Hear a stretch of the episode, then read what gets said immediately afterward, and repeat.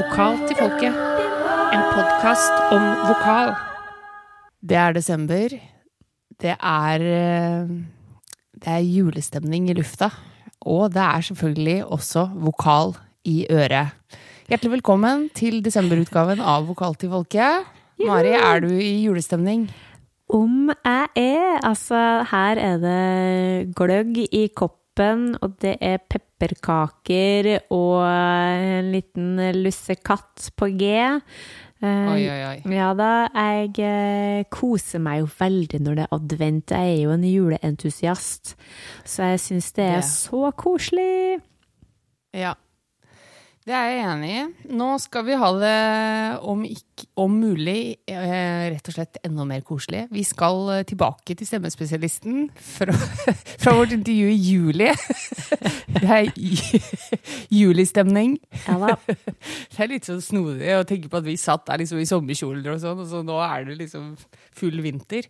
Ja. Men, eh, men vi håper jo at det ikke tar brodden av julestemninga. Eh, vi skal eh, fortsette å snakke med Maria. Det blir eh, nye spennende temaer. Vi skal annet inn, inn på eh, tidenes julenisse, holdt jeg på å si. Vi skal snakke litt om de, din jeg sier, Det er jo vår begge, men litt, du er jo en ekstra entusiast på Axel Rose-fronten. Det blir ikke jul uten Axel, sånn. Så vi, vi må snakke litt om han. Og vi, ja, vi skal inn på litt diverse greier, rett og slett. Så vi håper at dere koser dere med denne episoden. Og at dere får en strålende jul. Ikke sant? Ja, det håper vi virkelig. God jul. Ta det pent. Syng juleintervall. Og eh, ja, nyt. Nyt litt ferie når den tid kommer. Ja, Absolutt. God jul, folkens, og så ses vi på nyåret. Eller vi snakkes, hørs, eller hva det heter for noe.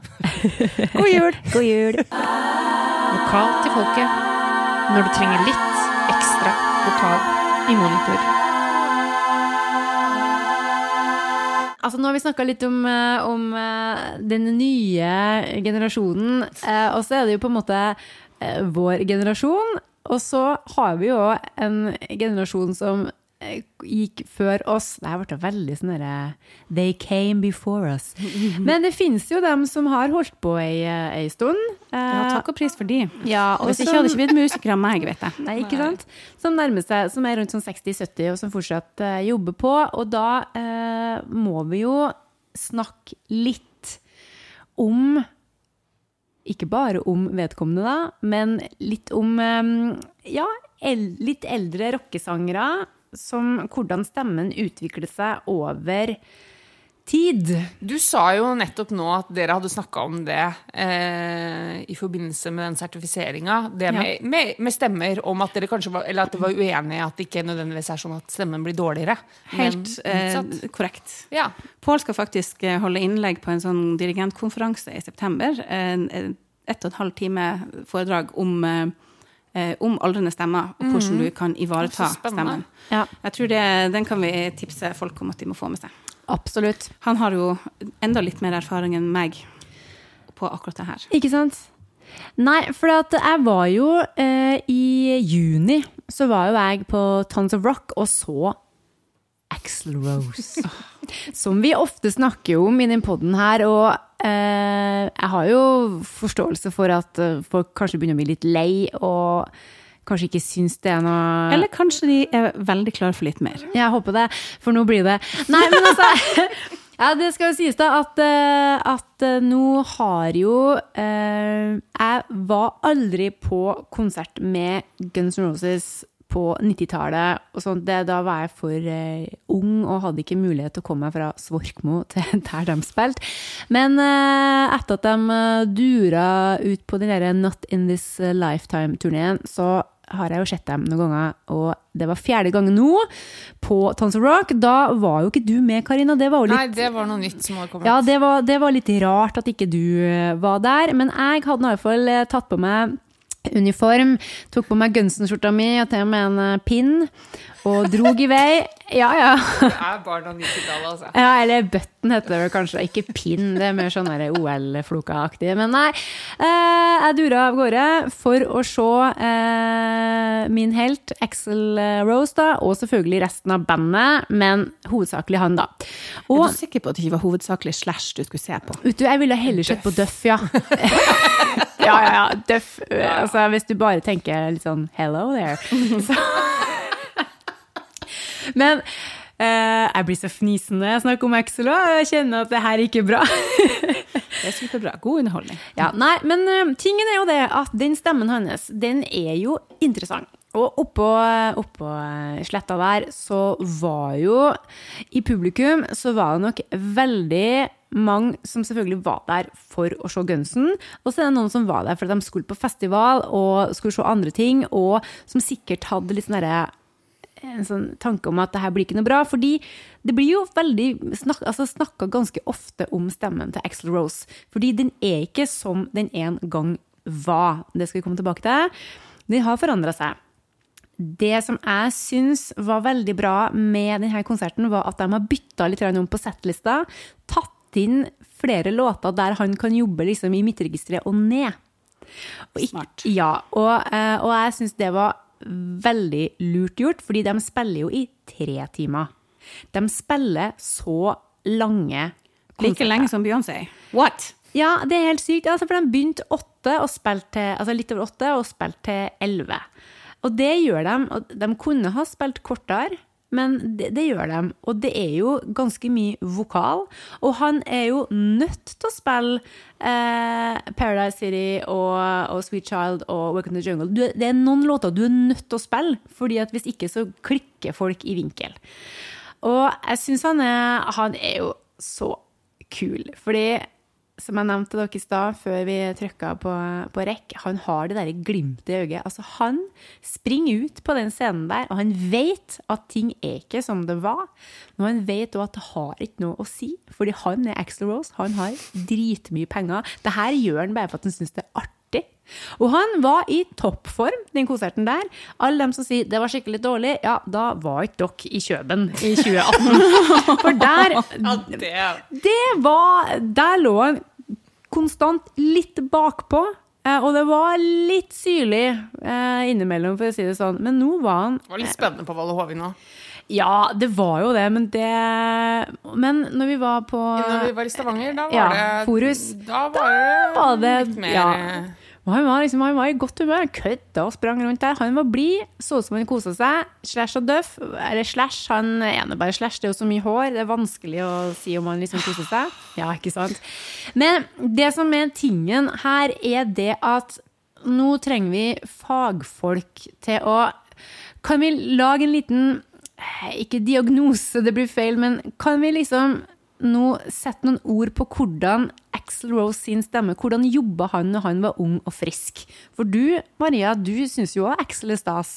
Jeg elsker Guns N' Roses. Det er hele oppveksten min, det. Ikke sant? I hemmelighet på eh, pikerommet med kassetter under senga, så ingen skulle finne dem. naturligvis. Ja. Hva var det du hørte på liksom, i offentligheten back in the days? Oh, ja, nei, Det var mye gospel, Oslo Gospelkor og litt sånn greier. For det, ja. det, vi var jo en kristelig familie, vet det. Ikke sant? Men i hemmelighet så hadde jeg stæsja bort litt Michael Jackson og, uh. ja, og Guns N' Roses og en del opptakskassetter med ganske mye rart. Ikke sant? Og på videregående så var det, da kom jeg ut med fullt pride, eh, ikke pride-flagg, men prog-flagg. var det Ja, det er veldig bra. Prog. Eh, så jeg har jo også tenkt at vi skal sammenstille Axel litt med James LeBrie yes. i Dream Theater. No. For der er det jo også en historie om en stemme. Ikke sant? Axel har jo ikke Jeg har ikke funnet noe, hvert fall, en sånn historie om at stemmen min har gjort sånn og sånn i løpet av karrieren. Men James har snakka litt om hva som har skjedd med sin. Ja. Eh, og her blir det litt sånn à la Mariah, da, og mm -hmm. den mhm. der eh, historien om at ja, men det er søstrene mine som gjør at det blir sånn her. I og med at Axel ikke har sagt en eneste ting om hva som er forskjellen på han som 24 mhm. år gammel og han som 61 år gammel, eller hva han er nå, mm. så må vi gjette. Ja. Um, og for meg, jeg har jo sittet der med video som dere sendte fra Forus. Mm. Jeg har sittet der med video som dere sendte fra, eh, Ekeberg. Fra, fra Ekeberg. Ja. Det var også noen andre som tagga meg på Ekeberg og sa han her trenger noen, stemme, noen stemmespesialisten-timer. Ja, ja, Ja, og det gjør han sikkert, men allikevel. Ja, men nok om det. Du var fornøyd, i hvert fall. Det har vi skjønt. Det er veldig bra. Det, jeg har hørt mye fra folk som ikke var fornøyd, og som syns at det, det er jo greit for han. Han får jo springe rundt og holde på karrieren sin, eh, men hva med de stakkarene som må høre på? Dette har vært sagt rett ut. Det er jo mange som ikke, har, som ikke har likt den stemmen noensinne også, da, må Det sies. må Så vi han- også så- huske. Ja. Og det er jo derfor jeg syns det er så interessant å snakke om den, fordi at jeg føler det er ofte litt sånn hat-elsk. Han blir jo sammenligna med ei motorsag. Ja, ja, ja, og det er remjing, og det er skrik gjennom marg og bein, og at han er sånn, sånn illsint villkatt. Altså, det er ikke måte på. Eh, Og så er det noen som syns at det er liksom dritbra. Og vi, jeg og Karina, har snakka om det her i poden før, hva vi digger med den stemmen. At det, det, ja, det er lyden, men det er òg liksom timinga, musikaliteten, bla, bla, bla. Det kan folk eh, høre på eh, senere. Men kan vi på en måte Kan vi bruke litt Hvordan vil du si at han jobba når han var liksom 24-26? Når han var på høyden, så Ja. hadde han jo altså, Du ser på hele Jeg må dra inn hele kroppen. Fordi Yes. For meg så går det ikke an å bare Please høre lenger. Jeg er nødt til å se også. Ja. Og jeg er nødt til å se noe annet enn bare det som skjer i ansikt og kjeve og halsområdet, det og lenger ned. Ja. Du ser jo på han at han er veldig fleksibel alle steder i kroppen. Han har kjempegod bevegelighet f.eks. i hamstrings og knærne og anklene, som er ikke så vanlig. Kanskje, jeg gjetter liksom på, kan han ha vært litt hypomobil, som vil antyde at det er litt mer fleksibilitet i bindevevet hans. Okay. Og det er det jeg hører i den lyden han lager når han var ung òg. For vi må huske, røret er Der er kun ett bein, det tunge beinet. Alt det andre er mykt. Bruskene er i varierende grad mjuke hos forskjellige typer folk. Bindevevet, slimhinnene, musklene, alt det kan også være varierende stabilt og varierende eh, fleksibelt. Han tror jeg har noe av det mest fleksible som har funtes. Og jeg tror han er en baryton, egentlig, med, med en god tilgang til høyden. Han er ikke så høy, selv om det høres Lyduttrykket er veldig lyst, men det er ikke så høyt. Fordi han snurper sammen. Jeg tror han klemmer i hopen røret sitt med det han har tilgjengelig av muskler og, og brusker, og får en veldig veldig smal spalte hele veien opp i nesa som lager den kjente nasalen. Eh, og noe av den skurringa som er på, den, det tror jeg bare er en sånn effektivisering av det. det du, eh, han effektiviserer rommet så det er veldig trangt, tipper jeg. Så skal jeg holde meg for god til å spekulere i hvilke muskler og sånne ting som, som gjør hva, fordi dette er ikke en eksakt vitenskap. Når jeg kaller Estil for en modell og CVT for en modell, så er det med tanken om at alle modeller tar feil. Vi er bare nødt til å akseptere at en modell kan aldri beskrive virkeligheten. Ingen modell av verdensrommet kan beskrive hele verdensrommet. Ingen modell av matematikk kan beskrive all matematikk. Enda. Sånn at vi må leve i det at det er ganske store eh, usikre tall her. Men at han synger nasalt, og at det er det som kalles både nasal twang og oral twang på han, som er Estill bruker å skille i to stykker, det er helt klart. Og det koster han veldig lite. Det er en kjempeeffektiv måte å synge på. Du får masse overtoner. Du kan holde pitchen din veldig tydelig, og luften varer evig. Ja, det tror jeg den gjør. Faktisk. Men Han, han trenger ikke å puste så ofte. Men så òg den energien det, det her er òg veldig vanskelig å kvantifisere, men han var jo så sykt energisk. Ja. Og jeg så veldig forskjell på Forus Axel og uh, Tons of Rock Axel Ja. energisk. Ja. Det gjør Yes. du òg. Ja, virkelig. Det føltes som at han var liksom litt sånn lettere i kroppen og, og ja. Han sparka fra på en annen måte. Han hadde en han annen måte å sette hælen i gulvet og skyve seg fra bakken, som tyder på mer kraft, og som også er den her berømte syng med beina-greia, som jeg elsker. Jeg ser mer kontrakt, kontakt mellom overkroppen og underkroppen, som er i det området der pusten har fått mer frihet. På Forus da så han stiv ut, hoftene var veldig langt fram i forhold til resten av kroppen. Det er en sånn ting som nesten alle som har vært hos meg, har fått hørt et eller annet om hofte. Det er bare en kjepphest. Ja. Fordi det handler om hvordan bærer resten av kroppen seg. Ja. Hvis hoften kommer for langt fram, eller at du har ryggen da litt for langt bak, det er det som må skje. Hvis du kommer for langt fram et sted, så må noe annet lene seg tilbake. Og det lager spenninger oppover i strupen.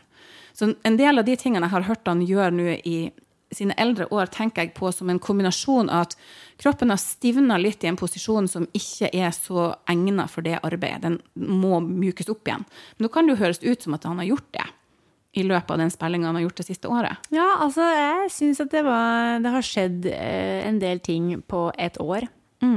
Så kanskje han har trent Men, men kan det også hende det at de faktisk har spilt en god del? altså han, har vært, for jeg, han springer jo rundt der i tre timer, og det òg Ja. er jo på en måte Man blir jo i litt bedre form av det. Garantert. Han, ja, Ja. han, sp- den springinga, altså han, altså han står aldri helt i ro. Han springer rundt, og det syns jeg var så stas når vi så ham for første gang, for jeg har jo sett veldig mye på de her eh, gamle opptakene, hvor han, han er alltid i bevegelse. Han springer rundt, og han synger, og når eh, de andre gjør noen soloting, så står han med det mikrofonstativet og pumper det opp og ned. Han, altså, han er så aktiv, og det er og det har han fortsatt med. Man skulle jo tro at han nå som er over 60, da kanskje bare liksom ville tatt det litt pent. Å nei da. Det er springing. Springing hele tida. Det er jo bare spekulasjoner hva han har drevet på med i de årene som vi ikke har hørt fra dem. Ja. Um, det, det noe, vi kan også spekulere i hva slags eh, stoffer som har vært inntatt. og sånt. Det, det dukka opp her med en, en, la oss si, noen som kjenner til miljøet veldig godt. Um, som var innom hos meg, at eh, det kan jo òg ha noe med saken å gjøre. Vi vet ikke om han har hatt noen skader, vi vet ikke om han har vært på sykehus. Det er veldig lite vi vet. Ja. Og det tror jeg er bra for han at vi ikke gjør. Men at alle ting du går gjennom i kroppen, inkludert å være mye i ro, er, eh, kan ha en effekt.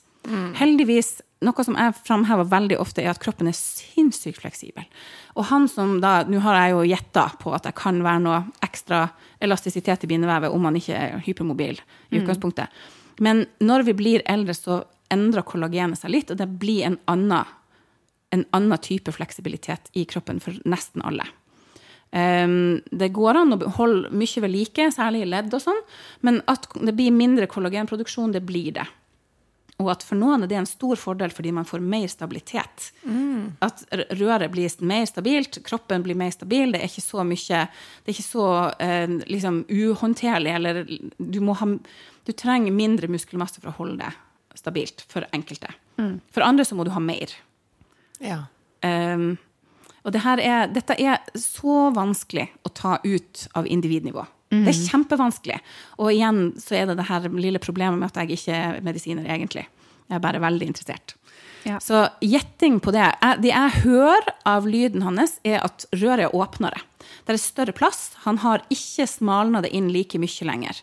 Og han hørtes i hvert fall på Forus så hørtes det ut som han mangla helt den her, den nasale-tvangen, som er liksom ganeseilet og plassen mellom munnåpningen og neseåpningen inni. Den var sånn Å, kan ikke jeg bare ha en bitte liten ti minutters session med han så han får på det der igjen? Ja. For det hadde gjort det så mye mer effektivt. Ja. ja. Eh, men nå hører jeg litt mer av det igjen Ja. ifra, ifra Ekeberg. Ja. Men det er klart at det er åpnere, og det er lettere å bruke barytonregisteret hans nå, ja. Selvfølgelig er det det. Absolutt. Og det, det syns jeg er veldig sunt at han foretrekker å være der. Jeg tenker at for å kunne på en måte holde koken da, i tre timer og klare å synge de voldsomste låtene til en viss grad, så må han plutselig krydre med sånn som Bad Obsession, som uh, ligger eh, liksom uh, litt mer sånn der, i stedet for liksom å gå opp en oktav eller to. Um, så det, det er et kloke valg.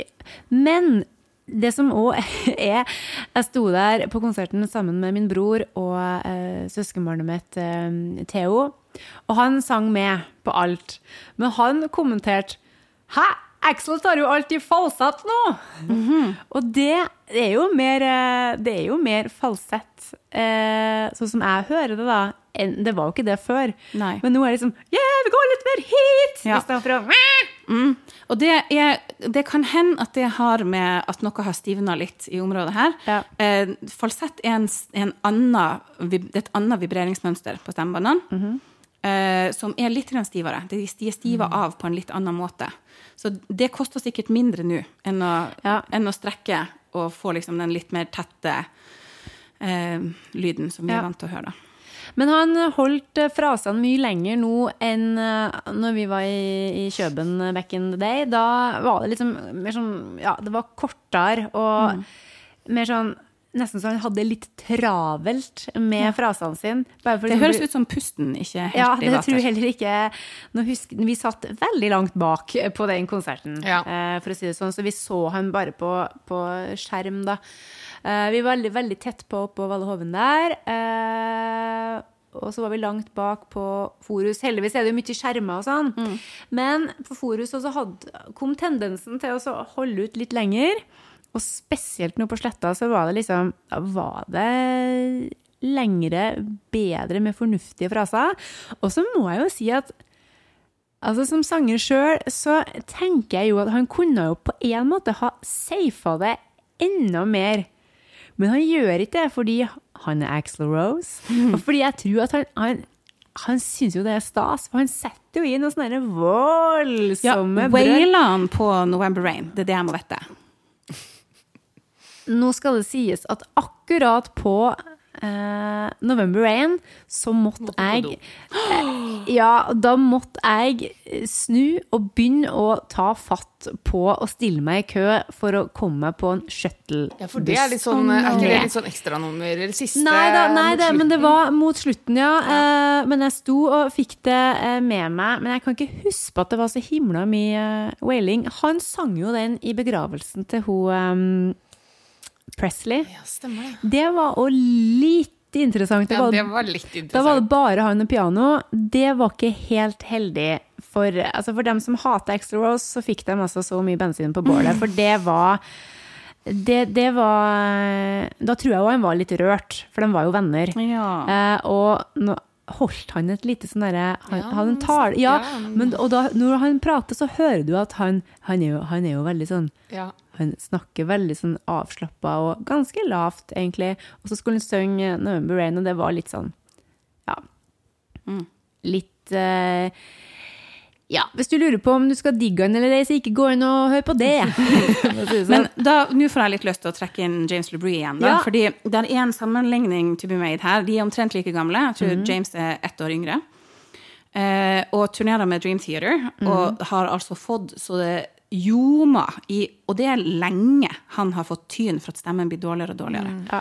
Jeg sendte deg en video der noen har sammenstilt det samme klippet fra den samme låta Ja. siden 1992 eller noe sånt. Ja, det var frekt gjort, altså. Ja, det er ganske voldsomt. Det der er 18 uh, performances av den samme låten, og det, Ja. blir, det blir dårligere og dårligere. Vi har ikke noen måte å, annen måte å si det på. Nei. Og han sjøl beskriver det her som Og det er en sånn vandrehistorie som jeg har hørt før jeg hørte han sjøl fortelle om det i et intervju, at da han var på turné i 1994, ble han matforgifta og kasta opp. Og han beskriver det som at det var, han var så dårlig han trodde han skulle dø.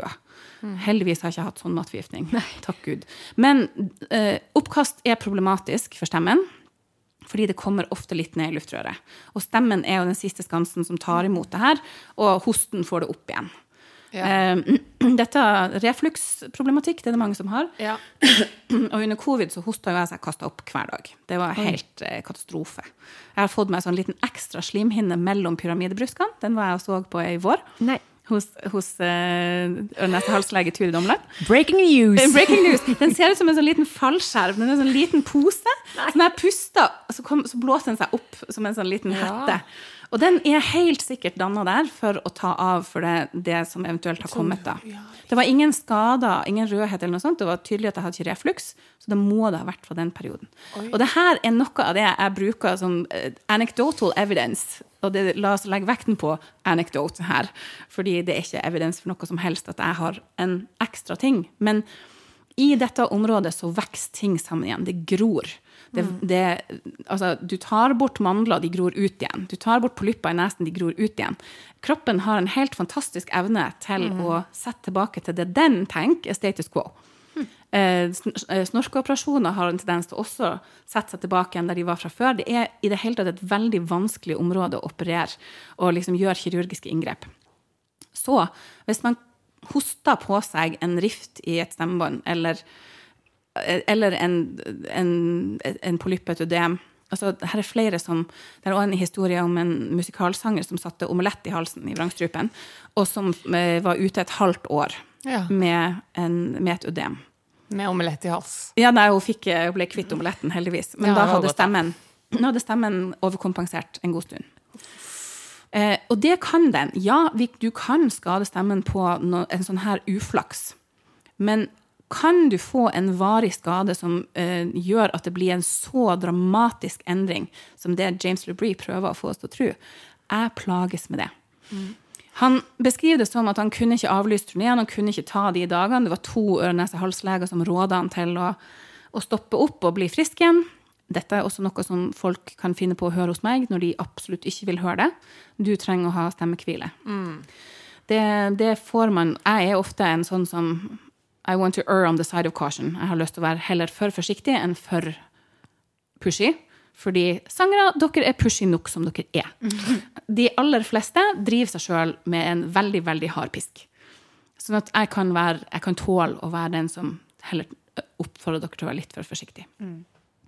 James burde nok vært forsiktig, og at han har gjort ting verre for seg sjøl med å synge hele turneen mens det var noe i veien, mm. det kjøper jeg.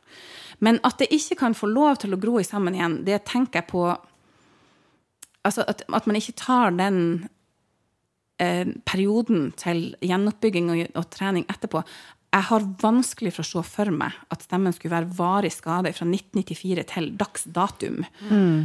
Fordi, du, fordi det, det, var en matforgiftning der en gang. Og jeg, når jeg så Dream Theater i fjor, på, i mai, da var de i Spektrum, jeg sto ganske nært, og der var det jo en kropp som jeg bare lengta Den profesjonelle Maria lengta etter etter å få radbrekke James Bree. Ja.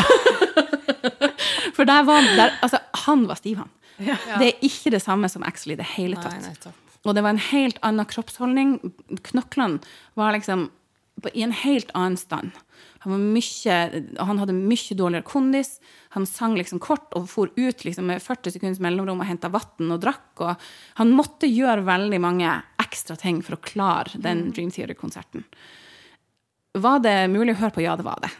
Mm. Var det dårligere eller bedre enn Axel? Mm, vanskelig å si. Mm. Um, jeg har likt at de har tatt inn Devin Townsend nå på slutten, men jeg -hmm. tror James er med fremdeles. Ja. Men det er litt hyggeligere lyd. Det er litt hyggeligere vokal. Men er moralen da at det ligger like så mye kropp da, som i stemmen. Det er min moral, mm. og det er mm, på en måte det budskapet jeg prøver å pushe på folk. Ja. Hvis du klarer å ivareta kroppen din, hvis du mm. jobber teknisk, med, absolutt teknisk med stemmen, men å innse at det som foregår på stemmebåndsnivå, er styrt av det som skjer lenger ned. Ja. Sånn at du har en, et bevisst forhold til hva som skjer lenger inn i kroppen først og fremst, og lenger ned i kroppen dernest. Det henger egentlig sammen, de to mm. tingene så har du helt andre verktøy når skaden er skjedd, eller ting er, blir litt skjevt. Du kan få rehabilitert og blitt kvitt noe veldig mye fortere. Og den der angsten for at jeg har ødelagt stemmen en gang for alle Er dere klar over hvor ofte jeg møter den? Mm. Det er hver uke, det. Mm. Noen som tror at nå er alt over. Og jo yngre du er, jo reddere er du. Og der kjenner jeg på at det er veldig viktig å få fram det med at kroppen regenereres hele tida. Mm. Og med den riktige veiledningen så kan alt bli bedre, så å si. Det, det er sjelden jeg tenker at noe er uhelbredelig. Jeg må på en måte ha all verdens bevis først. Det er mm. kanskje fordelen med å ikke være lege. Men jeg, de legene som jeg jobber med, altså, jeg er jo ofte inne på konsultasjoner med Turid. Ofte, ofte. Jeg er når jeg får lov. Ja. Um, og jeg ser jo at hun òg er sånn dette, dette, her skal ordne seg. Vi opererer det, og så får du logoped og opptrening. Mm. og eller dette opererer vi ikke, det her er en sak for logopeden, og Maria kan ja. kanskje også hjelpe til.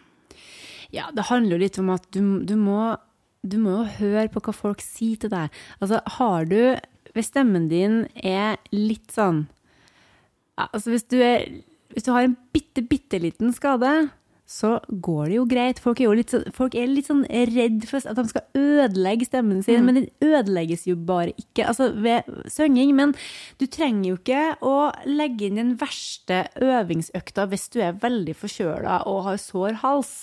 Nei, det, det her er en sånn greie som jeg underviser av og til, at du må tenke på det som et trafikklys.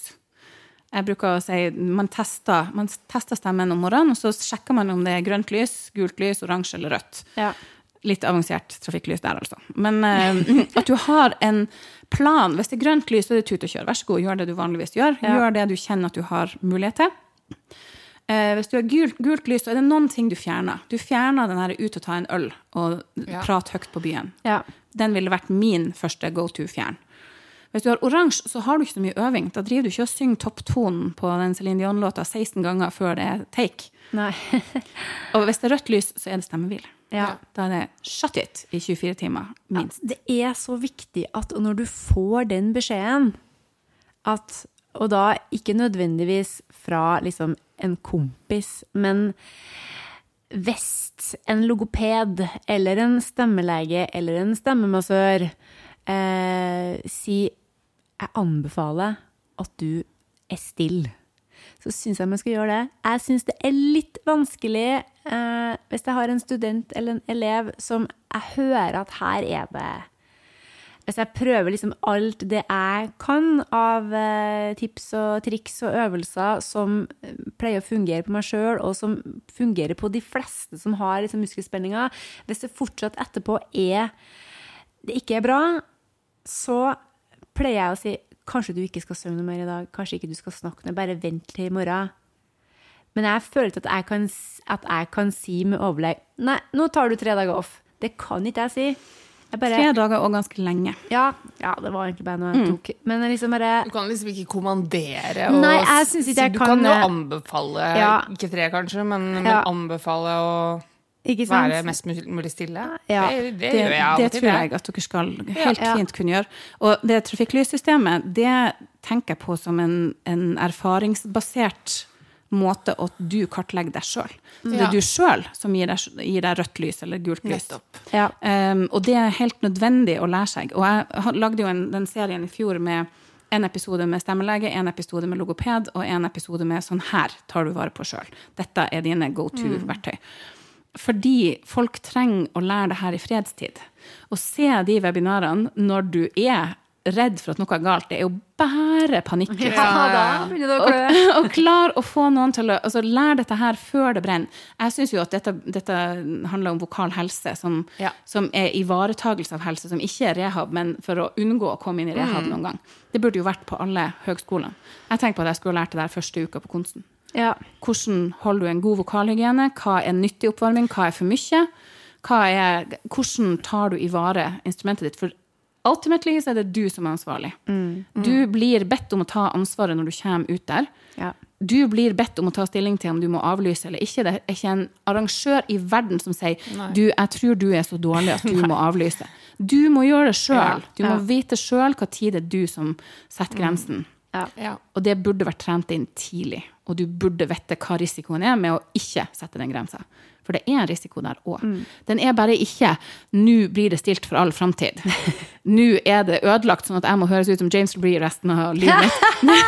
det, det er ikke budskapet. Budskapet er skal du få problemer over en lang periode, skal du ha mer eller mindre alvorlige problemer. Skal du lære deg noe nytt her som gjør at du kanskje unngår dette problemet resten av livet, eller skal det dukke opp igjen og igjen og igjen? Og igjen? Ja.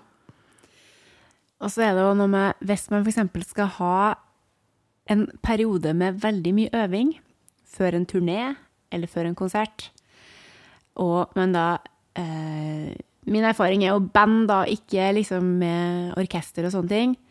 Sjøl om det er gøy å gjøre all låt- Amen! all, Ja, jeg vet at du kjenner det. Sjøl om det er, er gøy å jobbe på som om det var eh, Som om det var på gig.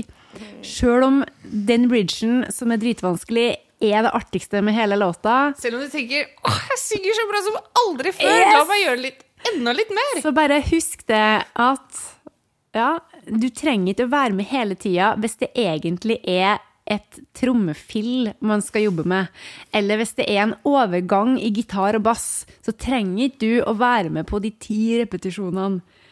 Fordi du må spare deg. For det blir mye mer artig på giggen hvis du kommer og er frisk og god i stemmen og har det vokale overskuddet som du trenger. Amen. For det her altså jeg, Ja, det her har jeg sagt før òg. Jeg har av Er det noe man skal lære, så Ja. er det ja, i hvert fall det. Jeg har ødelagt meg på lydsjekk noen ganger, Ja, for ja, det er så gøy. Og endelig er lyden der, ikke sant? Og så bare woho! Og så kommer giggene bare Det er noe med å ta den eh, Du kan ta en eh, liten lekse ut av boka til en berømt eh, tenor som sa ja til dirigenten. Nå kan, kan du velge. Jeg har åtte høye sider å by på i dag. Ja. Du kan velge om du vil ha de på prøven, eller om det skal være noen igjen til konserten. Det var ganske effektivt. Den dirigenten lukka munnen sin. Ja, men det jeg så Det er ikke så lenge siden, rett før sommeren her, så så jeg This Is It, This Is It med Michael Jackson, den dokumentaren om Michael Jackson. Da måtte jeg se Bad, hele bandet etterpå, fordi at det ble så trist ikke sant, av å se. Ja, Men da snakka han Da var han hele tiden Han holder jo hele tiden igjen, ikke sant? Eh, og så plutselig er det et eller annet hvor han Fordi det står der en gjeng med dansere, og hauser han opp, hvor han plutselig begynner å synge ordentlig, da, for å si det sånn, eller gi litt på. Han bare 'Å, dere må slutte, dere må slutte. Jeg må.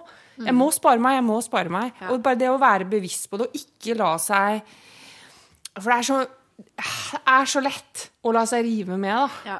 Og hvis bandet sier ja, men vi klarer ikke å øve på ja, dynamikken hvis ikke du er med, Nei, da, du, da må du rett og slett øve litt på egen hånd. Altså. For at ja da, det er jo selvfølgelig lettere å jobbe dynamisk når vokalisten er med, men du må da jaggu dra det dumme lasset sjøl. Vi må huske at det er muskulært arbeid vi snakker om. Ja. Muskler og slimhinner. Og de har bare så mange ganger de kan spenne opp på det. Ja. Altså det er akkurat som med alle andre. Hvis du har tatt eh, 3 ganger 15 knebøy, eller med vekt, alt ettersom, så du vet at det kommer til et punkt der de vil ikke bøye lenger. Nei. Sånn er stemmen òg. Ja. Du kan ikke drive på med styrketrening ubegrensa. Det stopper på et punkt. Mm. Og så må det restitueres. Hvis vi er heldige, så klarer vi å stoppe i tide, sånn at det er restituert neste dag. Ja. Ja. Men det, da må det stoppes i tide. ja, det må det. Ellers så tar det tre dager. ja. Og Og det er når du er ung. Ja, og så blir det vær. Ja, men altså, jeg, jeg tenker at dette er aktuelt for meg hele tiden. Jeg, skal, jeg har en jobb på lørdag. Jeg skal reiser på torsdag. Det er øving på torsdag, fredag, lørdag. Jeg kan alle de låtene jeg skal synge, men jeg skal være på øving med bandet. Det er en klassisk Klassisk felle. Ja. Ikke sant? Og det er et eventjobb. Hvis vi skal spille sikkert en og en halv time, da, eller altså ja, ha, ha låter til det, sånn cirka. Så det, og, og så skal man øve det x antall ganger, og det er selvfølgelig svære låter fordi det skal være fest og moro. Så der Jeg lover dere. Jeg lover dere, jeg skal holde igjen. ja, du må det. Jeg skal det. Si, nå må dere bare kjøre. Ja. Jeg bare markerer her, Ja. Men det er jo så artig, vet Ja, du! ja, det er det. For at, ja, man sitter jo liksom og, og forbereder seg på egen hånd og synger gjennom låtene, kanskje bare sånn «I'm sunshine». Og så er det veldig artig når alt liksom pumpes opp, men man må bare holde seg i Ja, skinnet. man må holde seg i skinnet. Men jeg har en siste ting om eh, gamle stemmer som, eh, eh, som på en måte jeg føler ikke har eh, liksom blitt så veldig mye preg av tidens tann, og det er Nå er jo han dessverre eh, død. Rest in peace. Eh, David Crosby. Han, eh, Hvis ikke dere har hørt noe på han, så bare prøv å høre på noen av de siste skivene han har gitt ut. Altså, Da var han godt over 70. Høres ut som han er 20. Det er helt krystallklart. Nå driver jo, eller drev jo han med litt annen musikk enn eh, James LaBrie og gjengen der, men, men det var ikke noe fisling det heller. For det har jeg tenkt litt på i det siste, at det kommer jo òg an på hvordan musikk du jobber med. Helt klart. Eh, og du blir nok litt mer sliten av tre sett med rock'n'roll enn en times eh, visekonsert i, innafor liksom, eh, en oktav. Det vil jeg tro, eh, for da er det andre ting man jobber med. Eh, og jeg tror ikke David Crosby var den som sa nei takk til sigg og pils i ungdomstida. så det handler ikke så mye om, om det heller. Men, eh, så det er et tips. Hør på han og bli inspirert. Men i den klassiske verden, da. Ja. Der Oh, yes. blir det jo altså det, Stemmene der òg blir jo eldre. Og det fins noen eksempler som er helt absurd. Jeg klarer ikke å huske navnet hennes nå, men det er en rumensk operasanger som Det var en video når hun eh, sang eh, Verdi når hun var 60, og så en når hun var 72. Og det var Du hørte forskjell, ja, Ja. men det var fremdeles absolutely star quality. Ja. Helt fantastisk. Og det var høyt, og det var koloratur. Kanskje det ikke var Verdi, kanskje det var litt tidligere Belcanto Donizetti eller noe sånt. Som er enda verre. Som har liksom krav til veldig diminuendo og veldig eh, fortissimo, og liksom bevegelsen inni der skal være veldig fleksibel. Jeg husker jeg var helt satt ut. Um, men det hører til, eh, til sjeldenhetene. Og hvorfor gjør det det? Nå må vi tilbake igjen til det med at folk er veldig individuelle. Ja. Og at teknikk er også tross alt en ganske individuell sak. Det er noe som disse modellene ser litt forbi. ofte, tenker jeg, at alle, der det, vi har alle de samme delene, og de gjør sånn og sånn. Ja, det tror vi. Men så er det hvor mye, hvor mange prosent eh, strammes det og slakkes det her? Og spesielt da tenker jeg på, når vi skal si noe generelt om hva jeg tror den aller viktigste faktoren er for klassiske sangere i aldringsprosessen, så er det hvordan har eh, forholdet mellom trykket i brysthulen og trykket i bukhulen vært. Hvis det har vært overtrykk i bukhulen når man har sunget med det som noen kaller for et push Jeg syns det var veldig vanskelig når folk beskyldte meg for å pushe for 500 år siden. Eh, Hva er det det betyr, liksom? Hva, hva betyr det? Jeg skjønte det ikke, for jeg kjente det ikke sånn. Er det det samme som når man snakker om trykk? Det er iallfall i en sammenheng med trykk. Eh, og trykk må spesifiseres litt, fordi det kan forstås på flere forskjellige måter. Jeg bruker å skissere opp eh, kroppen som et todelt trykkammer, der diafragma ned til bekkenbunnen er ett kammer. Som er påvirka av både det du har spist, og hvordan gass og ting og tang utvikler seg inn i tarmene, muskler, musklene som ligger rundt det hele. Eh, og det trykket der eh, er, må balanseres med trykket inne i brysthulen, som er fra diafragma og opp til stemmen. Stemmen er faktisk ventilen til den hulen. Og de her to virker på hverandre, særlig når vi synger, for da ønsker vi den lange utpusten. ikke sant? Pusten kan ikke bare få gå i det tempoet det vil sjøl. Du må koordinere det. Og hvis det da er for mye trykk i bukhulen, som er ganske vanlig. Fordi når man begynner å synge, så har man ikke noe Mange har ikke liksom den, eh, den energien eller den driven som skal til nedenifra for å få luften til å gå ut. Så det er helt forståelig at man i første omgang er nødt til å ta litt tak i magen og få til en magepust osv. Mm. Men så er det at mange utvikler et mønster der de gjerne har for mye mage. Skjønner. Og det her er på, til en viss grad kontroversielt, men jeg ser det igjen og igjen at hvis jeg får regulert trykket mellom brystkassa og eh, eh, bukhulen til en, noe som passer av til hverandre, som påvirker hverandre, og som går jevnt og stødig, så får stemmen helt andre forhold å jobbe i. Hvordan jobber du med det, da? Det er noe, noe er pusteøvelser. Ja. Noe er liksom øvelser for å styrke eh, innpustmuskulaturen. Ja. Fordi 70% av utpusten styres av at innpustmusklene gir gradvis slipp. Så det er et såkalt eh, eh, Det kalles òg konsentrisk og eksentrisk arbeid. Konsentrisk arbeid er når du puster inn, så jobber innpustmusklene dine konsentrisk og tar inn det de kan. Og så er det et eksentrisk arbeid for å ikke slippe alt med en gang, men la det få lov å gå gradvis opp. Ja. Og 70% av det du trenger i frasen din, går på eksentrisk arbeid. Og så kommer bukhulen på de siste 30 Nettopp. Så det er veldig mange som jobber for mye i magen for de der siste 30% og som pusher ifra magen når det egentlig er nok at brysthulen klapper gradvis Skjønner. innover og sammen. Så det må å øve noen måter å få magen til å gå litt saktere innover. Um, uh, og også kanskje ikke det kjempestore slippet som magen faller ut, på en måte, og du Mm. må begynne helt ifra scratch um, når du begynner å drive luften din ut i frasen. Ja. Du må vite hvor lang frasen din skal være, eller du må vite hva du skal bruke det til. Ja, måte. og dette går jo, iallfall ideelt sett, så går det automatisk. Når du har øvd lenge nok, så vet kroppen hvor mye Mm. Ja. du trenger. Så du trenger ikke å puste inn mer enn det du skal ha i frasen din. Men det som skjer for stemmen, når vi snakker om trykk, da, så blir det et mottrykk inni den ventilen. Mm. Så selve stemmemusklene kan trykke for hardt, men også de andre. Falske stemmelepper og at andre strukturer inni der begynner å stå, jobbe imot fordi hei, hei, denne luften går for fort ut. Jeg klarer ikke å lage lyd med så høyt lufttrykk. Trykk. Mm. Så det er trykk på flere steder. Ja. Um, og at stemmen kan bli sliten, slimhinnen kan bli, kan bli hovne og tynne. De er hovna opp, så får du hæ stemme. Eh, de kan også få en, en, en redusert fleksibilitet av å være nødt til å stå og være ganske tjukke mot det trykket som kommer under. Så for en del klassiske sangere så har de elska så mye den mørke delen av stemmen, den som har litt mer flesk, litt mer kropp, litt mer stemmemasse på seg. Um, vi tenker oss at vi kan legge på muskelfiber og trekke fra muskelfiber. Og slanke stemmen og gjøre den tynn og slank i toppen, og så legge på litt mer nede. Og så ha med en del masse opp. Tenora for eksempel, jobber jo opp med det hele tiden for å få opp nok muskelmasse, Ja. sånn at klangen er lik. Det er jo litt sånn som vi jobber i rytmisk, egentlig. Ja. Litt mer overførbart til Absolutt. vår Det er bare det at det må gjøres på et ganske lavt lufttrykk, som betyr at brystkassa må jobbe imot. Jeg bruker å si veldig forenkla at jeg flytter ventilen fra stemmen til diafragma. At det er diafragma som skal stå der og si til bukhulen Vent, stopp, mm, sakte, roligere. Mm. Ja. Det er ikke det at det ikke skal være aktivitet i magen, det er absolutt ikke det jeg sier, men den må reguleres mye mer. Ja. Og har det ikke vært gjort, sånn som i min første 15 år som klassisk sanger, det, der var det veldig mye buktrykk. ja. Og jeg ante ikke hvordan jeg skulle gjøre noe med det. Nei. Randi Stene hjalp meg enormt. Enormt med det.